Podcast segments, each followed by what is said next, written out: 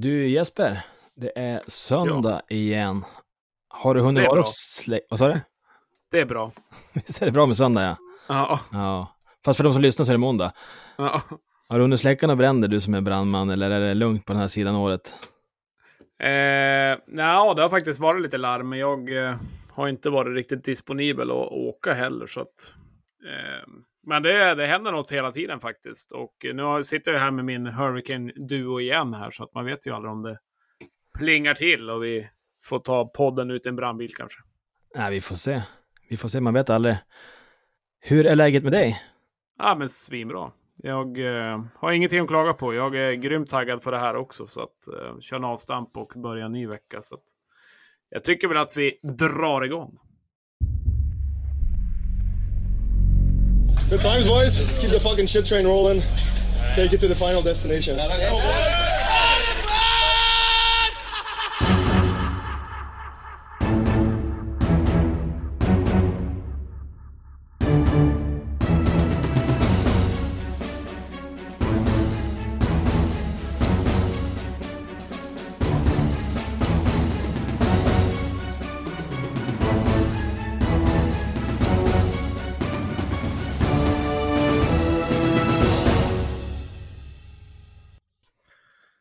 Ja, varmt välkomna till ett nytt avsnitt av Radio 1970 och Supermåndag nummer 17. Det har börjat komma upp i några avsnitt. Jag ska inte vara ofin, eh, Emanuel. Hur är läget med dig? Jo, men det är bra. Eh, riktigt bra. Jag har haft en så här superhärlig helg. Ti- tidigare, när jag var lite yngre, då gjorde jag alltid så här rivstart på det nya året. Man satte igång med något nytt projekt. Jag vet inte om det är åldern, men starten på det här året har varit väldigt lugnt och skönt. Så att jag har skottat lite snö och legat i poolen och myst och bara haft det bra. Så jag känner mig redo för en ny vecka och framförallt att få snacka lite ishockey. Det, det har man alltid tid för. Ja, det låter bra. Du har inte, du har inte kört eh, klassikern liksom och hamnat på ett gym där i början på januari eller liknande? Nej, men skidspåret faktiskt. Eh, Det är det som har, har dragit. Eh, så att jag var ute i helgen och premiärade. Det var ju sjukt härligt väder här i Umeå. Då man, fick, man fick lite vårvibbar. Eh, solen sken igenom och eh, spåren glittrade så där vackert som de bara kan göra då det är vårvinter. Då får man ju direkt associationer till slutspel och eh, ja, allt som har med det att göra. Så att, äh, det var riktigt fint. En, eh, en härlig helg. Och det är vi fasen värd efter de här senaste veckornas snökaos och skottande och allt vad det var. Ja, jag håller faktiskt, jag håller faktiskt med. Att du skrev någonting om det. Jag tyckte det var en väldigt bra kommentar. Att det är lite eh, våran återbäring. Eh, vi var ute idag med familjen. Eh, vi var faktiskt i, eh, på ett ställe man inte åker till allt för ofta. Min syster råkar ju bo då i Skellefteå. Så att vi, Ja. vi åkte ju dit. Men de hade snö där också. Vi var i en pulkabacke. Och då tänkte jag på det som du, som du skrev där. Att det är ganska härligt att vara ute när det blir de här dagarna faktiskt. ja, men du, jag tänkte på en grej idag. Om du måste Yes. välja, vad är det sjukaste? Är det att de kallar pannkakor för plättar i Skellefteå? Eller att de har orientdressing på kebabpizza i Luleå? Eh, ja, men det måste nog vara alternativt ett, ett ändå. Det, det, man får inte säga fel där, kan jag Nej. tycka. Det kan vi enas. Pannkaka, det är liksom en, det är en stor variant, tunn. Plättar, de är små liksom. Du kan ju köpa någon sån här superjärn där du kan göra tio plättar åt gången liksom. Så att, Exakt, exakt. eh, b- liten parentes, min syster bjöd faktiskt på några plättar då som hon kallar det. De var faktiskt små, men hon är ju då härifrån så att hon är ju förlåten.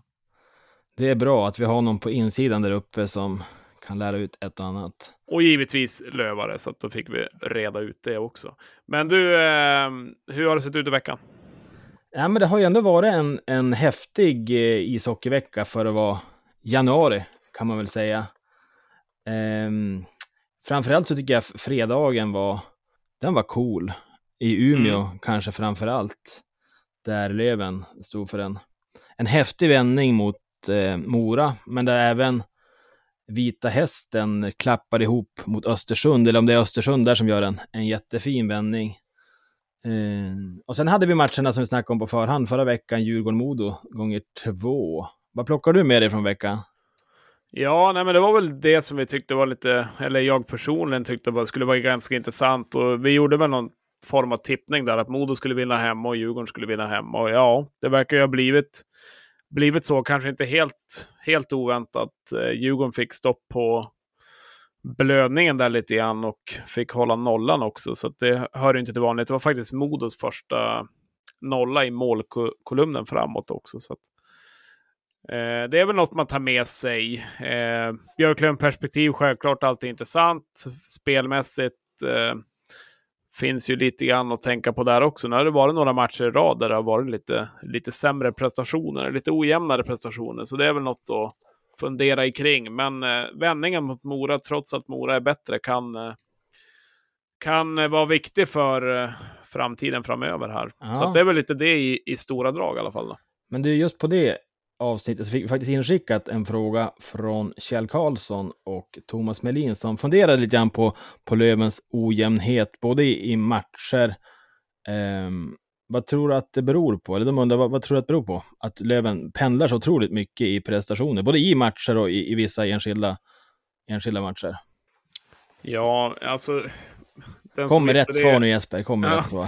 Hur svårt kan det vara? Det, visste det hade väl, eh, eller hade man vetat det så hade man väl suttit på insidan, höll på att säga. Nej, men eh, så här är det väl lite grann standard med, med Björklöven. Det går lite upp och ner. Nu ligger vi ändå så pass bra till eh, i serien också, så att vi har väl kunnat bädda för något poängtapp. Men det jag tycker är mer oroande är väl när spelet ser ut så under, över tid. Alltså, en sak att vi gjorde en bortaturné som var sådär, men ser man på Tingsryd vi kommer ut väldigt svagt. Ser man på Kristianstad kommer ut väldigt svagt. Vi kommer ut väldigt svagt mot Mora till exempel. Släpper in ett mål direkt efter 10 sekunder. Så att det är väl just starterna på matchen som har, som har varit sådär. Sen har väl Löven kunnat äta igen sig helt okej och kunna förlita sig på ett, på ett bra special team som kanske har räddat lite poäng här på slutet. Men en falsk trygghet har det varit lite grann och vad det beror på, svårt att säga. Det kan vara en klassisk nedträning just den här tiden på säsongen.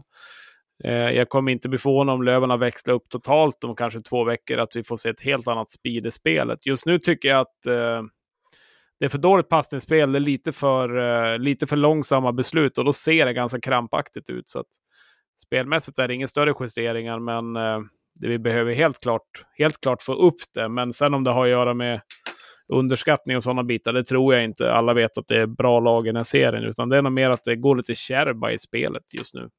Vad tror du själv då? Nej, men jag, ja, jag tänker det finns olika aspekter på det. Stråle har ju pratat om att han ska förbereda laget på bästa sätt och att han ska ta på sig en viss del av det där. Jag köper det väl inte riktigt det, utan jag tänker att, att jag tror han förbereder laget på allra bästa sätt. Eh, Är inte det för att skydda laget lite? Ja, exakt. Det är det jag menar. Jag tror att han, han försöker skydda laget i och med det. Men jag kan tycka att Löven saknar en viss ödmjukhet i sitt spel, kanske framförallt på bortaplan. Att, att man alltid ska vara liksom det spelförande laget och liksom driva på tempot och hela det.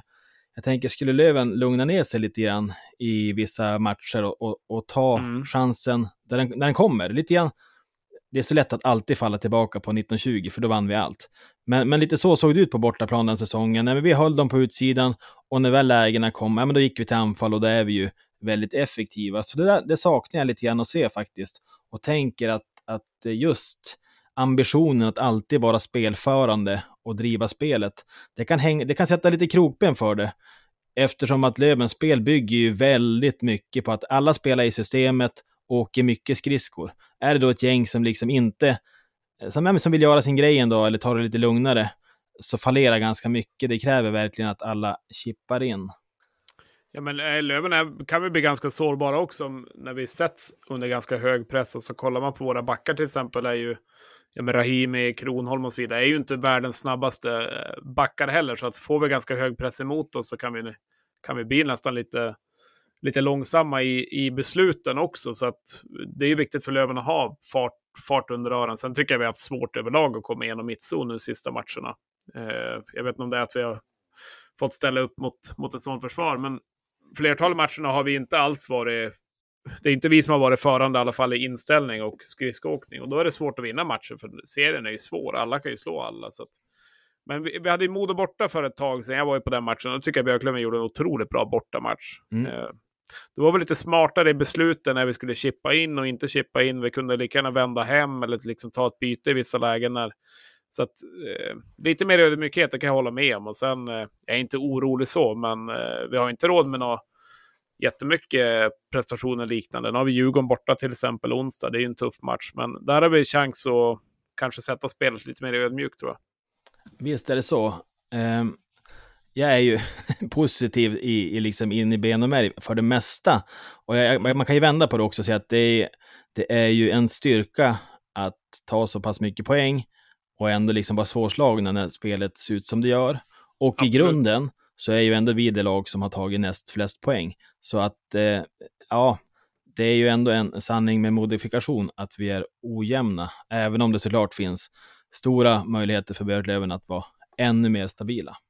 Ja, sen ska man, väl, ska man väl aldrig ha det som en ursäkt heller, men vi ska inte komma ifrån heller vilka vi har borta just nu. Alltså kollar man centerlinjen till exempel så eh, vi, vi har ändå borta flertal av våra bästa spelare just nu också. Så det, man ska inte skylla på det. Vi har fortfarande ett bra lag vi kan ställa upp med, men över tid och ganska lång tid har vi haft det. Så att, eh, jag tycker inte det är konstigt att det kan, kan vara lite varierande ibland när vissa får gå ganska hårt också. Så att, Eh, Eh, jag är inte orolig för fem öre egentligen. Det är inte. Jag är nog ganska övertygad att Löven kommer växla upp inom kort.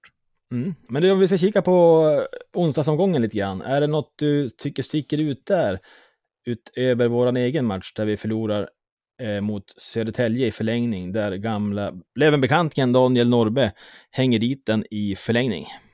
Ja, nej, det, är ju, det, är ju, det är ju härligt att han hänger dit. Nej, men jag tycker väl att AIK Tingsryd var väl en ganska intressant match på förhand. AIK har ju gått grymt starkt med flera trepoängare och Tingsryd har också gått grymt starkt. Så det var ju intressant att se vart det skulle, skulle hamna. Eh, kul också att AIK, nu vet, jag inte om de hade någon speciell, eh, speciell dag där, om det var någon liknande enkronasmatch. Ja, de hade 7000 i publiken. Så att, men det är väl kul att de har hittat tillbaka lite grann också. Där har det varit öde så det står härliga, härliga ting. Men AIK, ja, Tingsryd lyckas vinna då till slut. Men eh, den, eh, intressant match i alla fall. Jag tyckte den var ganska intressant på, på förhand. Så att det, är väl, eh, det är väl inte mycket mer än det. Eh, kul att se Karlskoga, vart de skulle ta vägen. Eh, de, de vinner väl programenligt mot Kristianstad. Men annars är det väl ingen match som sticker, sticker ut sådär supermycket. Södertälje vinner borta mot Löven, det är ju starkt.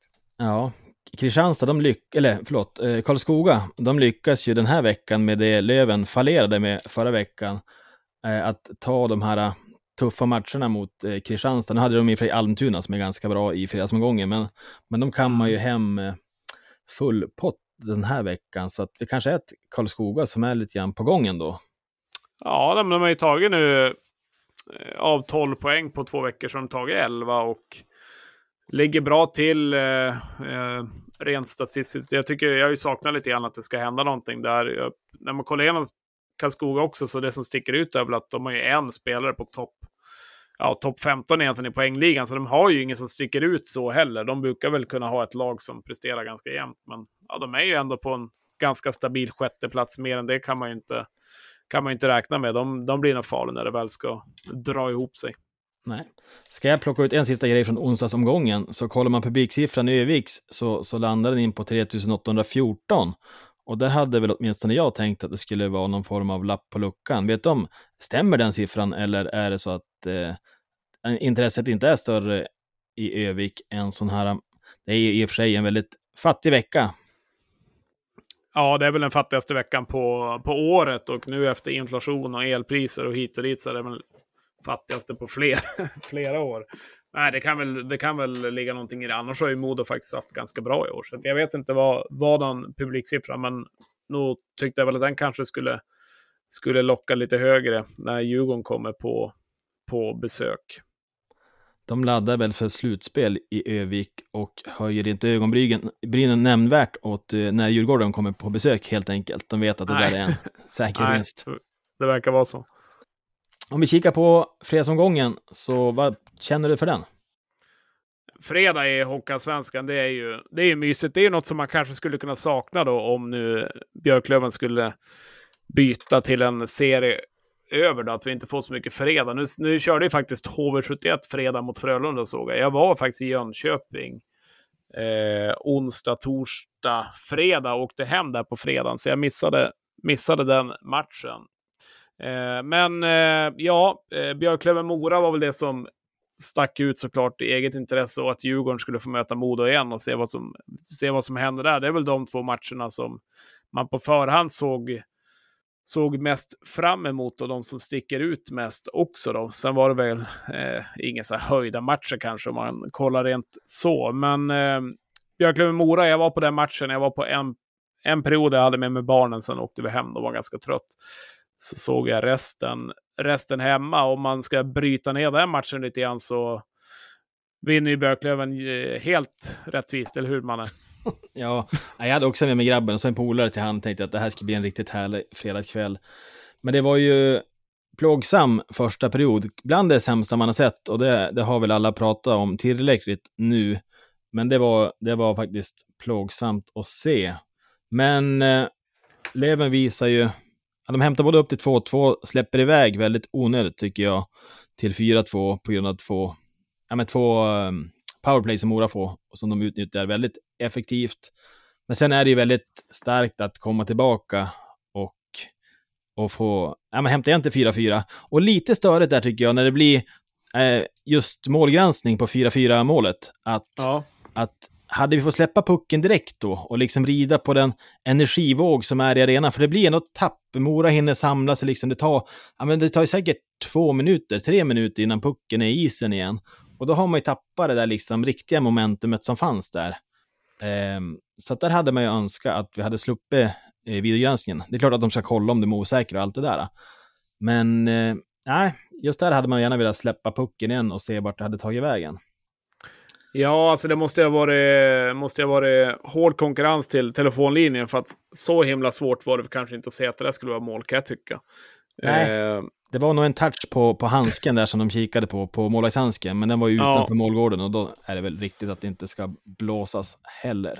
Men de två målen tycker jag var, var lite intressant. De är ganska likt de där två som Pole gör. Och att, eh, det har vi saknat lite grann, just sådana mål. Alltså vara först på en första retur och kunna liksom raka in den. Det har väl inte hänt sådär supermycket av Löven i år. Det har varit mer stenhårt upp i krysset, höll jag på att säga. Så att, eh, bra mål av Pole och eh, kul också när Polis on fire dras igång och att han hänger dit en till. Det är ju hyfsad, hyfsad timing på det. Hade han fått hänga dit ännu en till hade det varit någonting. Men, eh, eh, men, alltså, men om man ska prata lite Mora så måste jag ju säga att eh, de var ju på besök för ett tag sedan i Umeå också och vann klart rättvist tyckte jag.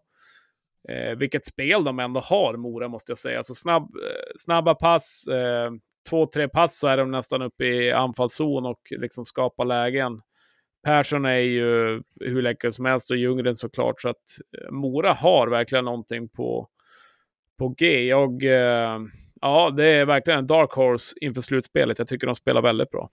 Det är de verkligen. Och en annan dark horse som kanske mer börjar eh, befästa sig i toppen, det är Södertälje som gör slarvsylta av Västerås. Eh, och Västerås, de ligger lite risigt till, så jag tycker vi ringer upp en västeråsare och kollar läget med dem, hur det står till där. Det gör vi. Ja, inte Ringegärd inte. Ja, vem fan är du då? Ja, men då säger vi välkommen till, ja, vem då? Vem är det vi har med oss idag? Eh, Ludvig Aronsson, eh, Luddegurka94 på Twitter. Men du, varmt välkommen och vi ska få snacka lite grann Västerås med dig, för det är ditt favoritlag. Ja, tack så mycket. Eh, tack för att jag har fått vara med och ja, Västerås är mitt lag i hjärtat. Men du, eh, om vi kikar på säsongen hit, jag kan tänka mig att, eh, vi hade en djurgårdare här förra eh, veckan som, ja men eh, säsongen kanske inte har motsvarat förväntningarna riktigt. Eh, hur skulle du beskriva eran säsong hittills? Ja, det är en, det är en väldigt stor besvikelse med tanke på eh, lönebudget och, och mål då som klubben har, har satt upp. Då. Så att det, det är en ganska stor, eller väldigt stor besvikelse för, ja, för alla oss egentligen som håller på Västerås. Mm. Mer än liksom resultaten, är det något speciellt som har stuckit ut som du ser liksom spelmässigt eller Ja, det är väl alltså den, den största grejen är väl att vi, ja, ja det, det, det känns liksom som att det inte finns någon riktigt tydlig spelidé. Uh, vi får ju ofta ja, spela i egen zon, uh, får oftast inte så stopp i spelet ordentligt, uh, så har vi inte ork att anfalla. Utan vi får dumpa ner puckarna och jaga hela tiden så att vi sällan vi kan föra matcher då. Det säger ju, säger ju även statistiken. Så det är den Eh, största delen att spela. Ja, eh, om man kollar nu, alltså nuläget egentligen, alltså i, såklart i spelet och så, men finns det något positivt att ta med sig negativt som du tycker sticker ut just nu, eller? Svårt att hitta, hitta positiva saker just nu, men eh, de spelarna som ska lägga ner jobbet gör väl det. Jag tänker på till exempel Jesper Johansson, Gabriel Kangas, eh, Isak Skedung och så här. De, de spelarna gör ju det de ska. Eh, toppspelarna gör ju inte det, för de gör ju inga poäng eh, och skjuter inga mål. Så att, eh, det är väl de, det positiva och negativa liksom. Mm, jag kan tycka man kan se det, att det finns som olika delar som gör att det fallerar, där man ser på det utifrån. Man kan ju först se liksom rekryteringen, de här spetsarna som skulle vara spetsar, Spears och Salminen, men de kanske inte har motsvarat förväntningarna. Och nu fick ju även sportchefen gå. Men jag tänker även på de här liksom trotjänarna, Gunnarsson, Frycklund, Skedung. Där får man väl inte heller riktigt ut vad man skulle kunna förvänta sig. Beror det på systemet eller är de ena lata rackare som inte orkar köra det de ska, eller vad beror det på? Ja, alltså, som jag förstår det så hela Viks spelsystem bygger ju mycket på, på liksom centrallinjen, alltså centersidan. Eh, och där har vi egentligen bara haft Frycklund som är en riktig toppspelare. Liksom. Eh, Blake Spears skulle ju vara det, men har verkligen inte varit det, utan han har han har varit den spelaren egentligen som han var borta i Nordamerika, så han har ju liksom inte kunnat växla upp sitt offensiva spel alls och det har vi ju varit väldigt lidande av. Eh, så att, eh, ja, det gick inte riktigt att ersätta Kalle Östman som vi blev av med då. Eh, det, det, det tror jag är en av de stora anledningarna till att Zetterberg fick ju lämna också, att han har ju liksom inte... Hans nyförvärv den här säsongen har inte levererat helt enkelt. Nej, och nu får ni en, en nygammal ny gammal sportchef i Niklas Johansson. Vad har ni förväntningar, eh, för förväntningar på honom nu? Jag tänker det kanske är svårt att, att rädda upp allting nu, men för framtiden och slutet av den här säsongen? Uh, till en början så personligen så tänkte jag att uh, liksom, vad ska han tillbaka för? när, när man börjar höra de första ryktena. Men sen, sen efter det så har man ju tänkt efter lite. Men han, liksom, han gjorde det ju väldigt bra när han var här sist. Uh, vi, vi, under hans år i klubben så klättrade vi i princip en tabellplacering under varje säsong. Från femma upp till etta då, när vi, ja, eh, säsongen 14-15 när vi vann serien där också. Så att, uh, sen han har ju lite, verkar ju ha lite bättre kontaktnät till exempel i, alltså i Nordamerika uh, och sådär. Han har ju verkligen varit bra på att hitta riktiga spetsspelare, till exempel som ja, Kenta har hittat Nick Schilke till exempel. Vi hade ju Jeremy Williams där, Dustin Joner, ja, och sen hans bästa värvning egentligen är väl Brook Little då, som han tog från college. Så att, eh, vi, jag tror att det kan bli bra. Ja, man kan ju minnas tillbaka på de där åren. Det var ju jävla otäckt och eh, att möta Västerås. Det är mina minnen i alla fall. Jag kommer ihåg någon sån här, någon sån här eh, YouTube-klipp där vi varit riktigt uppsnurrade som har blivit retweetade ett par gånger för mycket, tycker jag. ja, tänker du på målet nere i Västerås? Ja, exakt. Ja, men ja. någon riktigt så här zigzag-spel som eh, lämnar ju öppen kasse på slutet. Ja, det är svinsnyggt. Ja, det, det, det, är inte så ofta man ser sånt där, men när det väl händer så blir man helt mindblown. Liksom. Ja, nej, men det har vi glömt sedan länge. eh, om man, alltså en stor fråga, men om man, eh, jag kikade lite grann på Västerås, alltså sen säsongen 16-17, det som sticker ut är väl egentligen att eh, alltså det är ganska många säsonger som som inte är så mycket. Det är klart, 17-18 så har du ju ettan där, men annars så är det ju eh, ja, 16-17, 12, 12 placering när ni, när ni åker ur. Eh, alla minns väl den matchen uppe mot Löven när det väl skulle avgöras och allt vad det innebär. Men sen kommer ni upp, gör en ganska stark säsong, blir väl trea det året. Eh, hamnar ju väldigt bra. Sen 7, 11, 5, 6, alltså liksom mer ett mittenlag. Eh, har ju legat upp mot en 1,80 poängsnitt, men annars har det legat 1,30, 1,50 och så vidare. Äh, har man för stora förväntningar på Västerås? Jag tippade Västerås tvåa det här året till exempel. Det kanske var lite väl att ta i, men, men liksom, hur ska man se på Västerås egentligen? Ja, eh, vi, vi, själva vill se oss som ett, eh, som ett liksom topplag, topp fyra lag egentligen. Mm. Eh, och med tanke på vad vi har för spelarbudget också så, så ska vi ha de kraven också. Så den ska, ja, i den här satsningen då så ska den ju öka varje säsong, så att den har ju ökat sedan förra året. Eh, men tabellplaceringen har ju gått neråt, så att eh, jag tycker att man ska ha stora krav och klubben vill ju ha stora krav på sig själv också. Liksom. Alltså, vi, vi har ju harvat här nere nu i 20 år i, i princip och det är väl dags att eh, det händer någonting. Att vi tar oss till SHL. Man känner igen sig jävligt mycket i det du säger, just att ja, men man har en självbild av att man ska vara där, man har liksom ett, eh, en budget man tycker man ska vara där uppe. Det var ju precis likadant för oss innan Kente kom. Så Mm. att man får ändå tro att sportchefen har någon ganska stor del i det hela, även om- det finns andra faktorer såklart som också spelar in. Ja, för att man, eh, man har ju förväntningar. Alltså, ja, jag, man har ju varit på lite, lite möten med klubben och sådär och det, man har ju liksom en hög, hög, höga tankar om sig själv och en hög liksom, svansföring i hur man pratar med, med sina supportrar och så vidare och hur man, ja, vad man säger i media och så vidare. Så att, eh, man, man har ju, det, är, det är inte några krav som har kommit bara utifrån oss supportrar utan klubben själva har ju kanske nästan ännu högre krav på sig själva än vad vi har. Vi har ju bara hängt med i den kravställningen. Men, Men hur, hur tycker ni engagemanget är annars i, alltså runt klubben nu när det går sämre och så vidare? Är det fortsatt högt eller är det ett väldigt stort missnöje att man liksom märker av det förut, förutom vad som skrivs och så vidare? Men hur ser det ut på matcherna och de bitarna? Ja, alltså publik, publik eh, snittet har ju rasat egentligen. Eh, det, det är inte bra, är det inte. Utan, eh, ja, få- alltså, spe, vi spelar ju liksom inte bra utan vi, liksom, vi bor ju nästan i egen zon även på hemmamatcherna. Eh, vi, vi, vi liksom, det, det, det är tungt. Det har ju tisslats ganska länge om att Pannonen kanske ska, ska ryka. Hur ser du på situationen? Eh, väntar man på liksom rätt tränare som kan ta laget även kommande säsonger eller tror du att de kommer byta under den här säsongen för att kunna göra en push likt Löven gjorde i fjol och då Stråle kom in och, och verkligen lyfte laget på slutet? Ja, eh, det är ju, jag, jag blev ju kanske lite förvånad att man valde att eh, vet det, ta, ta sportchefskortet istället eh, först. Eh, samtidigt förstår jag det också med tanke på att om man vill göra någon typ av räddning på den här satsningen så måste det ju och vill förändra inför nästa säsong så måste man ju ta sportchefsbiten först egentligen för att kunna kontraktera spelare inför nästa år och börja redan nu. Men eh, ja, jag tror ju alltså fortsätter det så här nu att vi ligger och snuddar vid den där negativa eh, kvalplatsen så eh, ja, jag vet inte, det måste hända någonting för att det ser ju riktigt håglöst ut på isen också. Eh, det känns liksom som att spelarna inte liksom tar in vad de säger egentligen.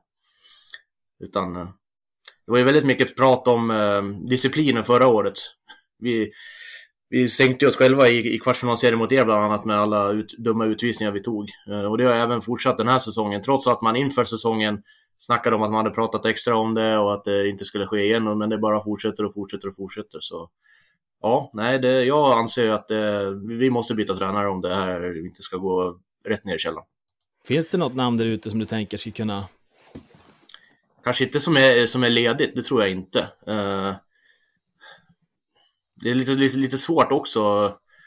Vi var ju antagligen, eller troligtvis på Håkan Åhlund, men där blev det ju ingenting och den situationen sköt, sköttes ju inte så snyggt heller. Eh, det var ganska taskigt mot Thomas kan jag, tänk, kan jag känna. Eh, Ja, den var men- ju kanske inte så smart. Nej, det, att, det, att det kom ut och sen att man valde Arlanda, det, nej, det no bra. Nej. Eh, men hur, hur ser du på, på Björklöven då som, eh, ja, men som motståndare eh, generellt? Björklöven är ju eh, ett riktigt bra lag. Eh, ni kanske också har lite viksyndrom av att, att ni svajar i prestationer ibland. Men eh, alltså jag, jag tycker alltid att det har varit liksom bra matcher och det, det är tufft att möta er för att ni, ni har verkligen en tydlig spelidé. Liksom det, det spelar ingen roll om det är hemma eller borta eller vad som helst utan ni, ni kör på och har ett bra försvarsspel, en eh, konstruktiv anfallshockey. Eh, bra back, alltså ni har en bra mix på backsidan tycker jag med både stora, tuffa, starka backar, eh, Rahimi till exempel. Mm.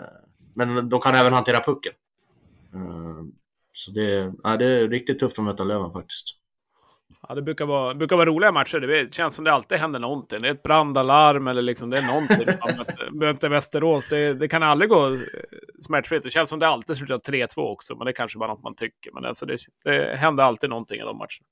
Ja, jo, men precis. Det brukar ju vara, det brukar ju vara bra matcher också. Det är väl, ja, det är väl någon, någon match eh, som har sprungit iväg rent målmässigt. Det var väl någon säsong sedan ni vann med nio mål eller någonting där uppe. Eh, Så vi klappade ihop fullständigt.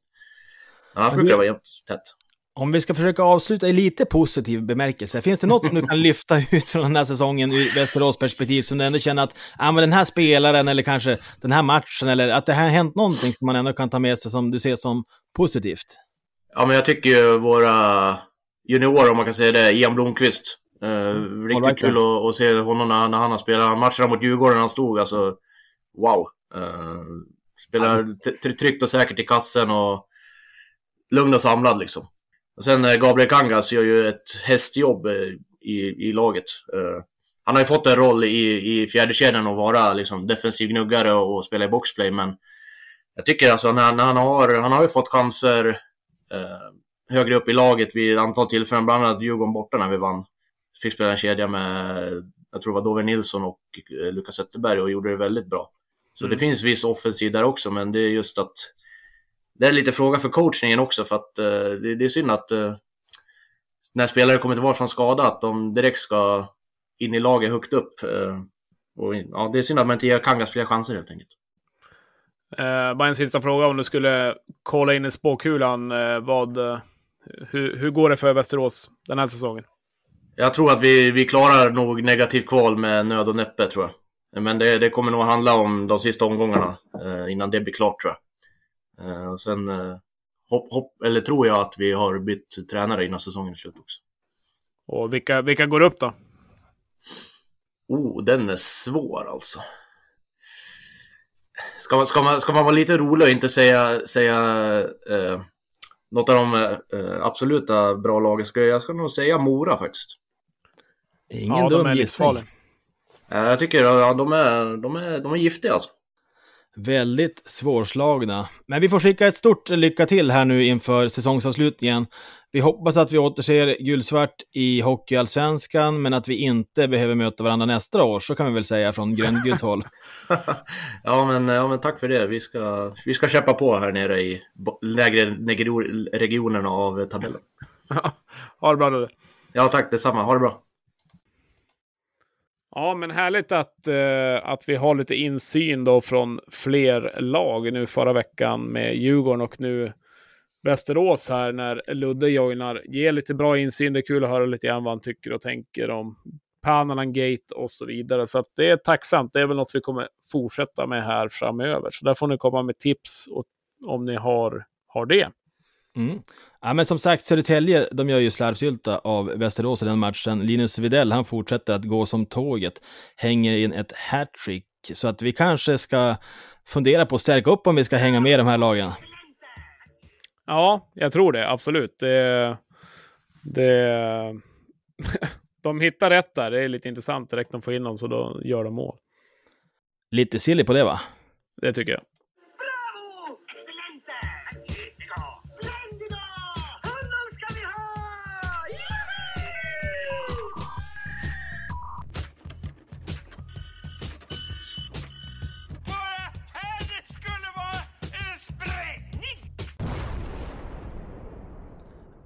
Ja, det har ju hänt lite grann på Silly-fronten här i veckan. Jag tänkte att du skulle få börja med att kommentera eh, Karlskoga som, eh, som eh, har gått ut med att de ska byta tränare. Ja, Karl. den är ju väldigt intressant. Eh, snacka om att ha en plan i förväg nästan. Oavsett hur det går så ska, ska vi byta tränare här. Eh, Det de sa var väl att, att man är bara tränare tre år i Karlskoga, sen är liksom brinntiden slut. Och då ska man bytas Ja. ut. Eh, ja, precis. Det var ju kommentaren på det. Och eh, ja, den är ju intressant såklart på, i flera hänsynen. Karlskoga ligger på just nu då på en sjätte plats. Gör väl det man eh, tycker att de ska göra. Går väl inte ut med de starkaste eh, målsättningarna heller, att vi ska upp till SHL ett visst datum och så vidare. Eh, utan fansen är väl hyfsat nöjd med, med Karlskogas säsong, tänker jag mig. Spelmässigt, ja, de gör det bra, men det kanske inte är så att överdrivet mycket mer än så. De är väl ett, ja, just topp, topplag där, mittenlag höll jag på att säga. Så att, ja, vad ska man säga om det? Det är ju inga hard feelings eller någonting så från, från Västerås, att, eller från Karlskoga, att de vill bort med någon tränare som inte fungerar, utan jag vet inte vad jag ska säga. Man kan ju inte säga att det är fel taktik heller lite grann, utan Karlskoga har ju legat i toppen år efter år, så att de, eh, de kanske tycker det, att efter de här tre åren då, då är det dags att säga adjö till varandra nästan oavsett. Eh, svårt att kommentera. Det är ju väldigt ovanligt om inte annat att göra så. Vad tycker du själv om det? Nej, men jag vet inte. Alltså, Karl har väl varit bra. Snacket som går, det är väl att det är Hudiksvalls tränare Dennis Hall som ska kliva in i hans ställe och eh, jag, jag researchade han lite grann förra året och vi var utan, utan coach och eh, han verkar ju vara otroligt spännande. Hudiksvall, de var ju verkligen på vippen att gå upp eh, den Ja, säsongen. verkligen. Och som jag förstått så var även, han var även med Fredrik Söderström en sväng i Schweiz som andra tränare där nu. Och ja, men han ska vara väldigt bra, ambitiös, lite så här stråle, detaljkille. Um, så att, eh, ja, men kul att det kommer upp en ny tränare, om det är han, i, i Hockeyallsvenskan och i Hockeysverige, så att det kommer in något eh, nytt och fräscht. Så ur det hänsynet så känns det, känns det spännande. Ja, men där är ju Karlskoga duktig också på, ja, men, på att göra det lite grann med spelare och ledare och så också. Så att de hittar ju ofta sina guldkorn. Så det kommer säkert bli bra och Karlskoga lär ju hamna, hamna i toppen även framöver. Eh, då kan de gå till en semifinal kanske i år också. Och gör de det så är det ju fullt, fullt godkänt. Mm. Ludde Gurkas gäng, de har ju tagit in en riktig Skellefteå profils son. Bert Robertsons grabb Simon Robertsson spelade ju JVM för Sverige och eh, har nu förstärkt eh, Västerås inför slutdelen av säsongen. Det väl Mm. också Niklas Johansson, nya sportchefens första nyförvärv. Ja, han agerade direkt där. Det, det tog inte lång tid så hände det någonting. Och det är väl kanske också en viktig signal till eh, Västerås supportrar att visa att det händer saker och ting. Och eh, en bra, bra skolad spelare givetvis. Och gått i, gått i Skellefteå nu senast. Och säga om man vill om Skellefteå, men eh, då har han fått träna. De säger väl att det är det mest tränade laget i, i SHL. Så att en vältränad eh, och bra skolad spelare kan de ju inte tacka nej för. De kanske behöver lite energi. Sen om det är den spelaren som gör hela Västerås bättre, kanske inte. Men Han hängde Men, något eh, mål i veckan i någon av matcherna här, så att ändå fått en bra start. Ja, Mm. det brukar som vara den, eh, den effekten. Det var väl samma för Krastenbergs eh, som gick till AIK. Gjorde väl också mål direkt från, från eh, Södertälje. Ja, det var ju en otrolig premiär. Eh, likt Kokkonen veckan innan så kliver Krastenbergs från Södertälje till AIK och gör 2 plus 1 i första matchen. Och ska man då se lite silly season så, så det som man får kalla för eh, Södertäljes dödkött, de gör ju lite av succé i deras nya klubbar. Jag tänker då på Krastenbergs, men även han Czernik, heter han så, som Ja. gick till Västervik, som, han bombade ju in mål där också. Så att eh, jag tänker att där har vi också en viss erfarenhet av att få plocka upp lite grann av de här flopparna och se hur de kan växla upp. Jag tänker på Austin Farley som kom från Modo, där han producerade ingenting och var ju en, en viktig kugge i Löven på den tiden. Men vi har ju även ett nutida exempel i Jakob Olofsson som kom från, från Timrå i fjol eh, och växte ut till kanske våran bästa center i, i slutspelet. Så jag tänker där i, i, liksom i upptakten eh, av eh, i, upptakten, i slutet av eh, silly season nu så är det dött på marknaden så kanske det är där sportcheferna ska kika. Vad finns det för outnyttjad potential i de, i de andra lagen? Ja, men det har väl varit lite så att man har försökt plocka varandra. Det är bara att kolla på Modo. Nu har de ju tagit, nu har de tagit potential såklart, Modo, och värva så. Men absolut. Eh, så att det blir intressant att se eh, lite, lite Löven intressant. Ja, men Tyler Wessel har ju, har ju inte fått spela de senaste matcherna för, för HV. Vad som händer där ryktas för något att det kan vara något med reben och de bitarna. Jag vet inte om du har hört någonting, hört någonting om det. Eh, Nej, Ja. Jag tänker att Tyler Wessel, han bör ju vara hel eftersom att han ändå är med i matchtrupp. Men han har ju fått Ja. sitta nu de två senaste matcherna, inte spela någon minut alls. Eh, Simon Önerud är snart tillbaka, konkurrensen ökar, så att han sitter ju verkligen lite kärvt till, tänker jag. Eh, också med, han har väl även ett utgående kontrakt, så jag tänker, ska, Ja. han, eh, ska han signa något bra för nästa år så, så, så kanske det är dags för han att röra på sig. Och i Lövenkretsar så är det väl det ett det vore väl ett drömförvärv om man skulle tänka att han skulle komma till Löven. Det är väl precis den centern som vi, som vi skulle behöva. En bra tvåvägsspelare. Absolut. Eh, han var ju riktigt, riktigt bra i, i Löven och har varit riktigt bra i HV också, men nu har han väl hamnat lite, hamnat lite snett. Men det är fortfarande en bra ishockeyspelare, så att eh, känner till Kent, känner till miljön och flertal spelare. Så att det skulle inte vara en lång eh, upptags... Eller eh, en lång, lång start för han att komma in i Björklöven med spelsystem och allt vad det är. Så att, eh, sen är det alltid sådär att gå ner en, gå ner en serie. Men det är väl roligare att gå upp med ett lag än att åka ut med ett lag. Eh, Exakt, och jag tänker just i hans situation, han skulle ju kunna signa för Löven nu och även skriva på för nästa säsong. Ja, med precis. liksom läget då att, men, går vi inte upp så att då är han ju fri att signa SHL bäst han vill i alla fall. En annan kille som, som eh, är på glid, det är ju Nick Halloran som verkar inte komma överens i, i Timrå. Och där tror jag att där kan vi kanske drömma ännu mer om att eh, få en signing.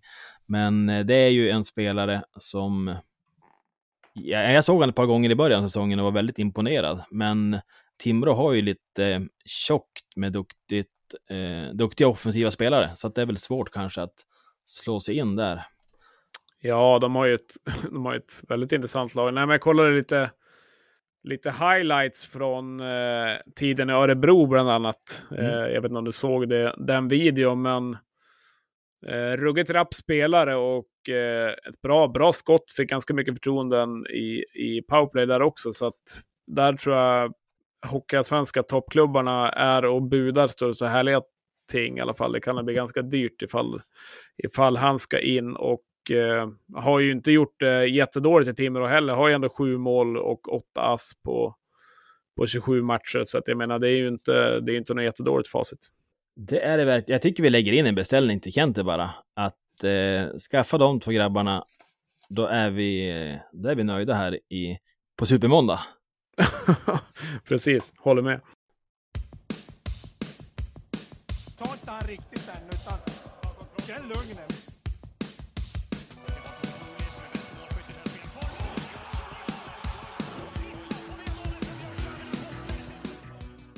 Veckans grej.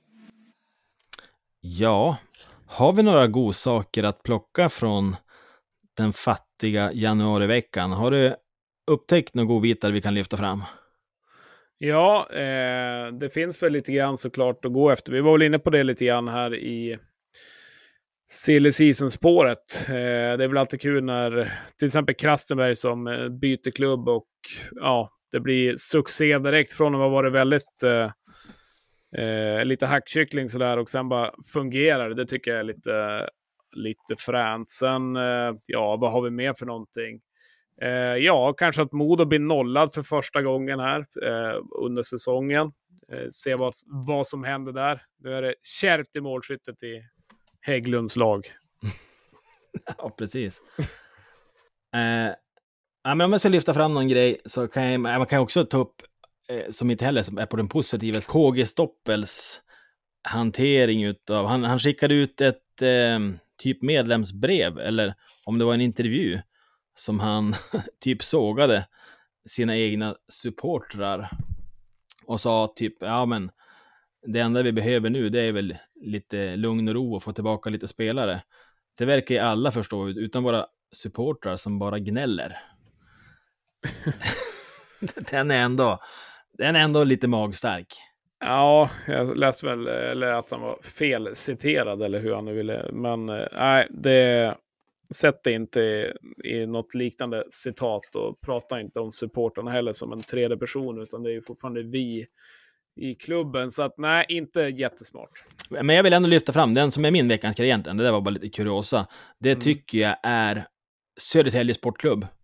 Jag tycker att de den här veckan verkligen har eh, befäst sig som ett, säger man så, befäst sig, som ett eh, lag för den absoluta toppen som verkligen kan utmana. Jag blir väldigt imponerad av hur, hur Linus Videll eh, leder laget och eh, över Södertäljes backsida som ser Ja, men den ser väldigt komplett ut tycker jag. De är tunga, rejäla. Det känns som att det är ett, en slutspelsbacksida utan särskilt mycket glamour, men som är ja, väldigt starka. Det är ju ligans tyngsta lag. Så att eh, äh, de, de, eh, de är lite skräckinjagande just nu och eh, just den här veckan har de varit väldigt starka. Så där har du min nominering. Ja, nej men den, den är ju stark, det måste jag ju säga. Jag, jag skulle också vilja lyfta fram en nominering och vi har varit inne på de som de har bytt bytt eh, tränare, eller ska byta tränare i alla fall. Eh, Karlskoga, de är ju det enda laget som lyckas ta 6 av 6 poäng den här veckan. Eh, och eh, de går som fortsatt starkt. De är också, smyger också så här i bakgrunden. Det är inte så många som pratar om Karlskoga. Eh, men när det väl ska bli ett slutspel och kanske Björklöven eller någon ska få åka dit och spela sina matcher så vet man att de kommer vara absolut livsfarliga. Så att, eh, jag skulle vilja lyfta fram Karlskoga som gör det bra just nu. Ja, men jag, jag tror jag står på mig om, om Södertälje. jag tycker att det känns som att de har varit tunga eh, den här veckan. Så vi kan väl skicka en fanfar till Södertälje. De får en här direkt.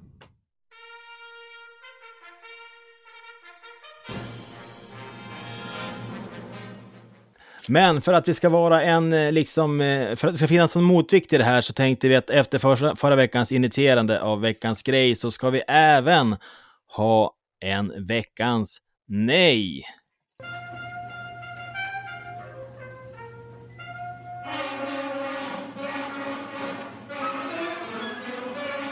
Nej. Nej. Jag tror faktiskt inte. Nej. Nej.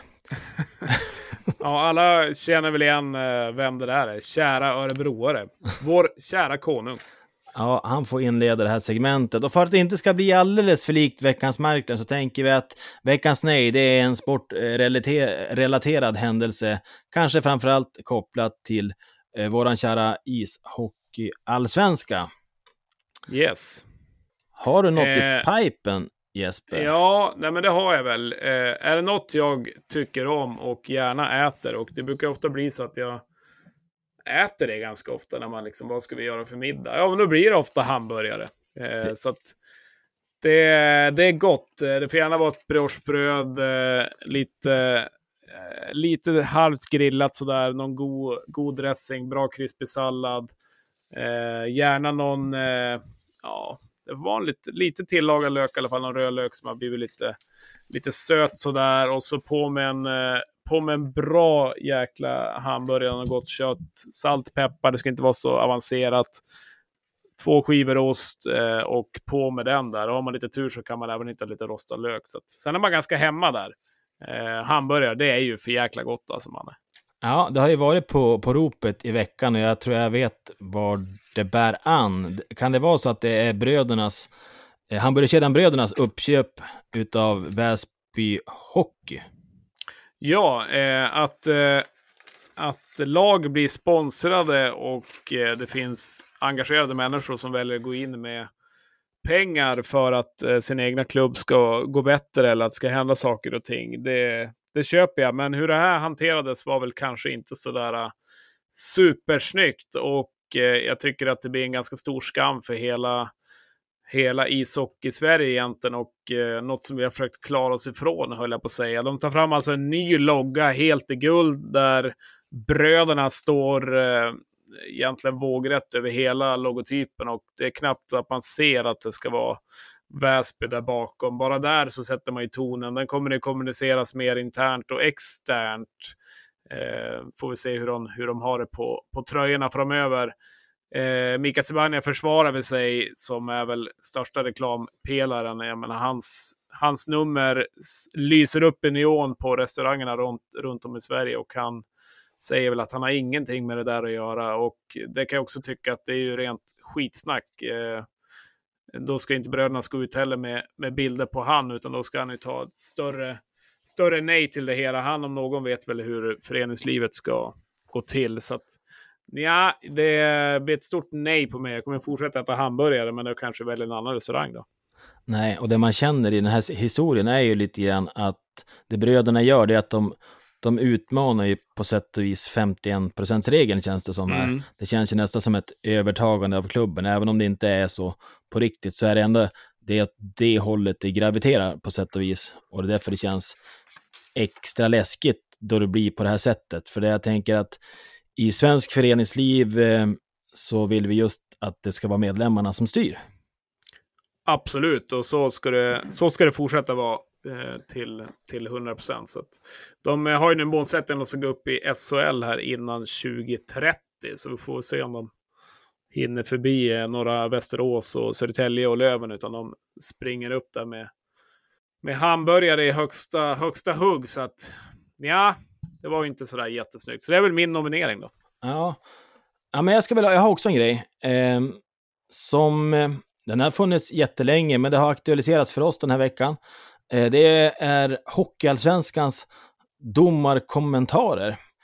Jag känner att de blir, de blir lite, lite kontra, kontraproduktiva då de är utformade som de är. Att eh, efter matchen då har domarna möjlighet att svara på frågor som fansen skickar in från Twitter. Det är jättebra. Jag tycker att Mm. där har Hockeyallsvenskan tagit liksom stora kliv och de försöker vara transparenta.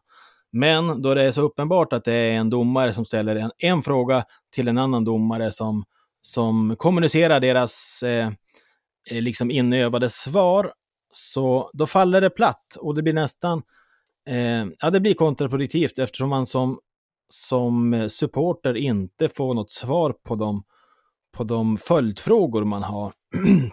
ja, men till exempel nu senast då Löven blir, kanske helt korrekt, ett mål som är bortdömt. Eh, Mm. Och ja, men de kommunicerar precis det att ja, men han, har, han har blåst i pipan, han kan inte göra så mycket, de får inte kolla på det i, i video och så vidare.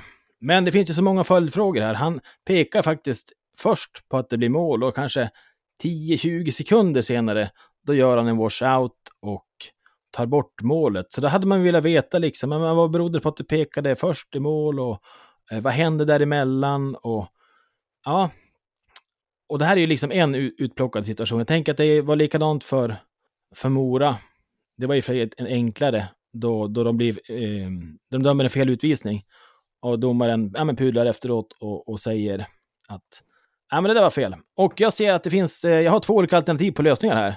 Det jag skulle vilja se var att ja, men antingen att det fanns någon, någon eh, mer neutral som ställde de här frågorna, som kunde följa upp eh, med just den här typen av frågor som jag lyfter, så man får liksom ett lite mer djuplodat svar. För jag tror att domarna skulle vara väldigt betjänta utav det, för de har ju oftast liksom rätt i det de sa, säger, men att det blir, det blir lite tunt eh, då de bara liksom säger ett svar rätt upp och ner.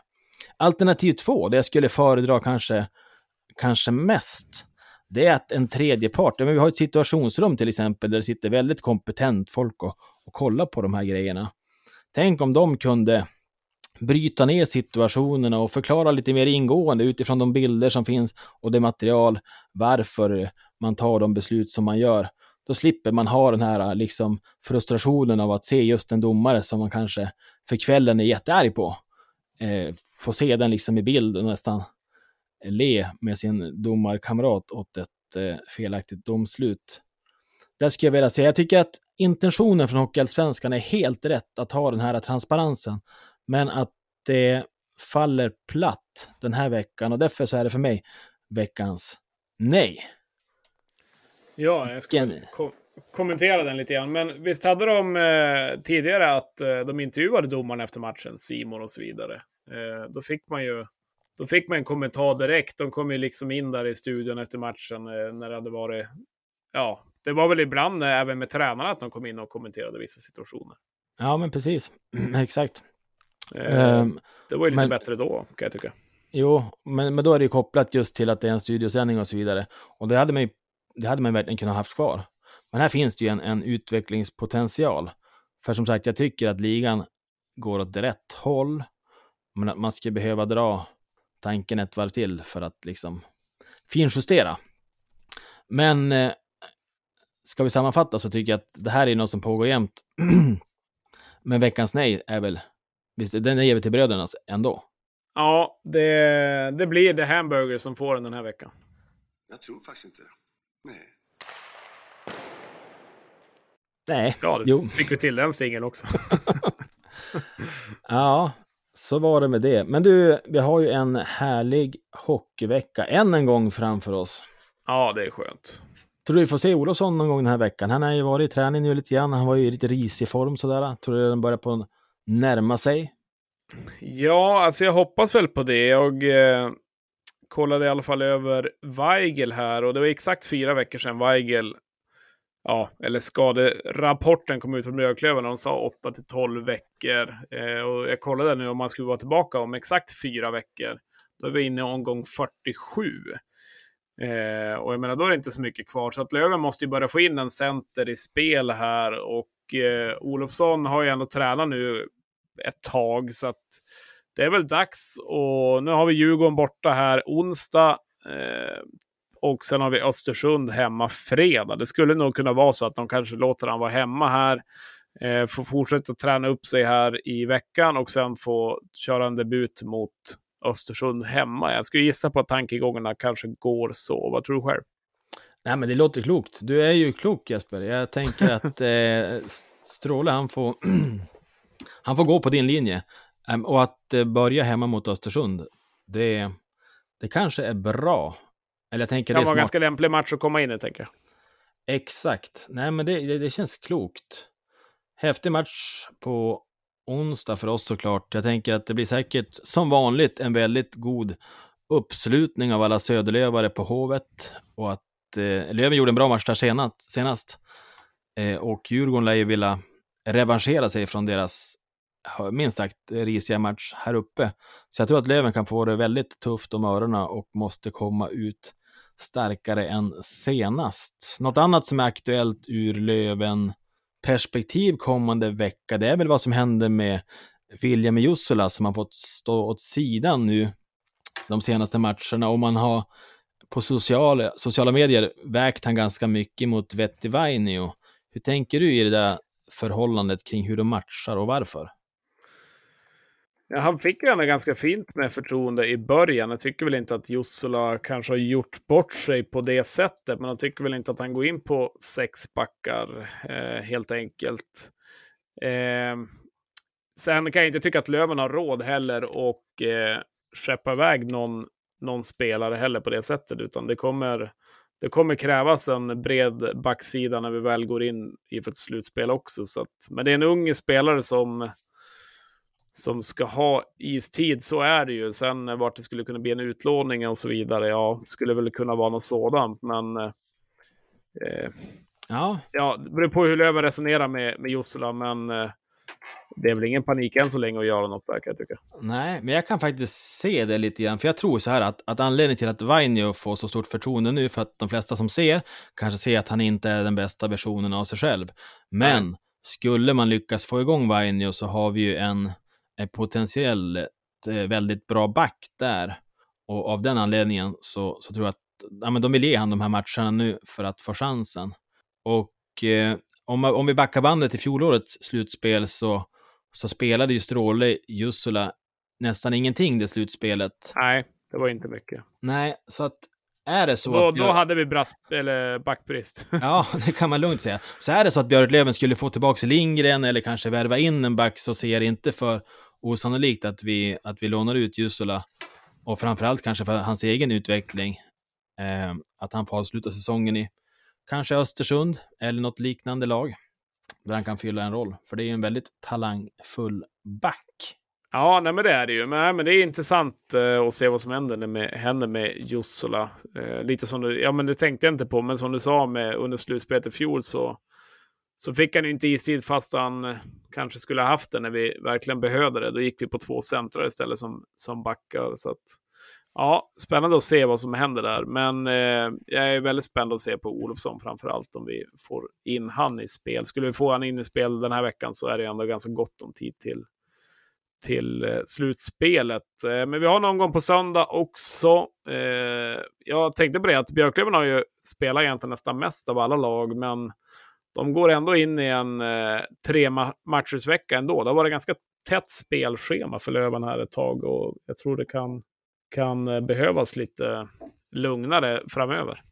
Ja, jag skrev det på Twitter här i veckan att äh, kommer inte någon landslagsuppehåll eller något snart? För det känns som att Löven skulle må bra av att få, få vila upp sig lite grann. Nej, men som sagt, vi har Djurgården, vi har Östersund på fredag och avslutar på söndag mot Almtuna. Annars har vi haft lite Västerås-fokus här idag och ska man se på deras vecka så kan ju den också bli väldigt avgörande för deras utgång. Och de har en tuff vecka. Jag börjar på tisdag redan mot eh, Tingsryd borta och det vet ju vi hur tufft det kan vara. Sen Mm. följer de upp det med eh, match mot eh, Södertälje igen, fast den här gången på hemmaplan. Chans till revansch och avslutar uppe i Övik på söndag mot Modo. Så det, är en, det är en tuff vecka för Västerås och det gäller att de ja, men, knoppar ihop ett par poäng. Och man kan väl tänka att tisdagsmatchen är väldigt viktig där. Verkligen. Ja, den är... Det är en tuff match, matchvecka för Västerås. Och kollar man liksom i, i tabellen så hittar vi Västerås på nionde plats just nu, 46 inspelade poäng. Och eh, Tingsryd har 44 på en tolfte plats och ner till Vita Hästen som ligger näst sist 41. Så att det är fem poäng ner till negativt kval. Så att eh, här är en väldigt viktig vecka för Västerås och intressant också att se om det nu går kärvt, säg att de skulle ta tre av nio poäng eller liknande, om de agerar då på tränarsidan eller ej. Så att, eh, ja, det blir, det blir spännande faktiskt. Mycket. Ja, men vi har en härlig vecka framför oss och vi, jag hade ju en magkänsla förra veckan att det skulle komma någon nyförvärv den här veckan. Och jag tänker att håller jag bara i den magkänslan så kommer det slå rätt någon gång. Så jag Ja, säger väl att nej. men till, innan nästa avsnitt då har vi, då har vi landat någonting. Vad tror du? Ja, nu är det nära.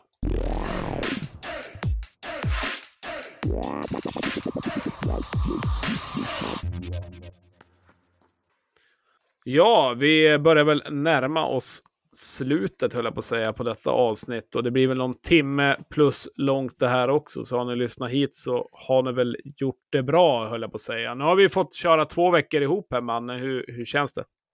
Ja, det känns bra. Jag kommer att tänka på att, att vi har haft så eländiga veckor med bara snöskottning och jag kollade i väderappen för en stund sedan att nu är det solsken. Solsken och lite bättre väder framöver. Det känns, eh, det känns väldigt bra. Eh, vi går snart in i februari och man vet att eh, de här veckorna går fort. Så att eh, snart, vi har ett slutspel som inte är allt för långt bort. Nej, det, det blir spännande faktiskt. Man ser verkligen framåt. Det känns som att det här slutspelet, det säger man väl varje år, att det kommer bli jämnare än någonsin. Men jag tror fasen det kommer bli jämnare än någonsin det här slutspelet. Karlskoga känns ju alltid stark. Du har Södertälje som helt plötsligt har börjat spela ishockey igen.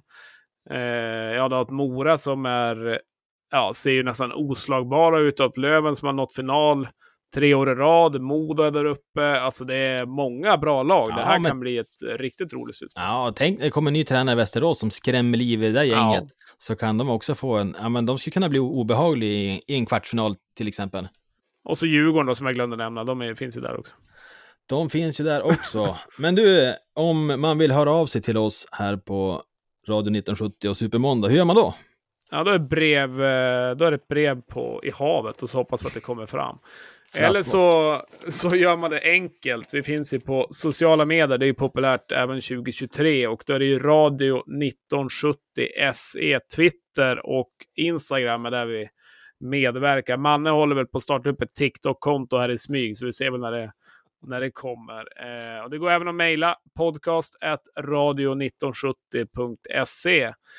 Eh, det borde väl funnits en swish också, men det kanske vi tar längre Tyler Wessel, han var väl en rackare på TikTok, så vi kanske säger att kommer Tyler Wessel till Löven, då startar vi också TikTok. Ja, kommer Wessel till Löven, då lovar jag att jag kommer göra en dansvideo på TikTok eh, på, något, på något sätt. Eh, det är ett löfte. Det låter bra, men du, då säger vi ha det gott. Ha det gött!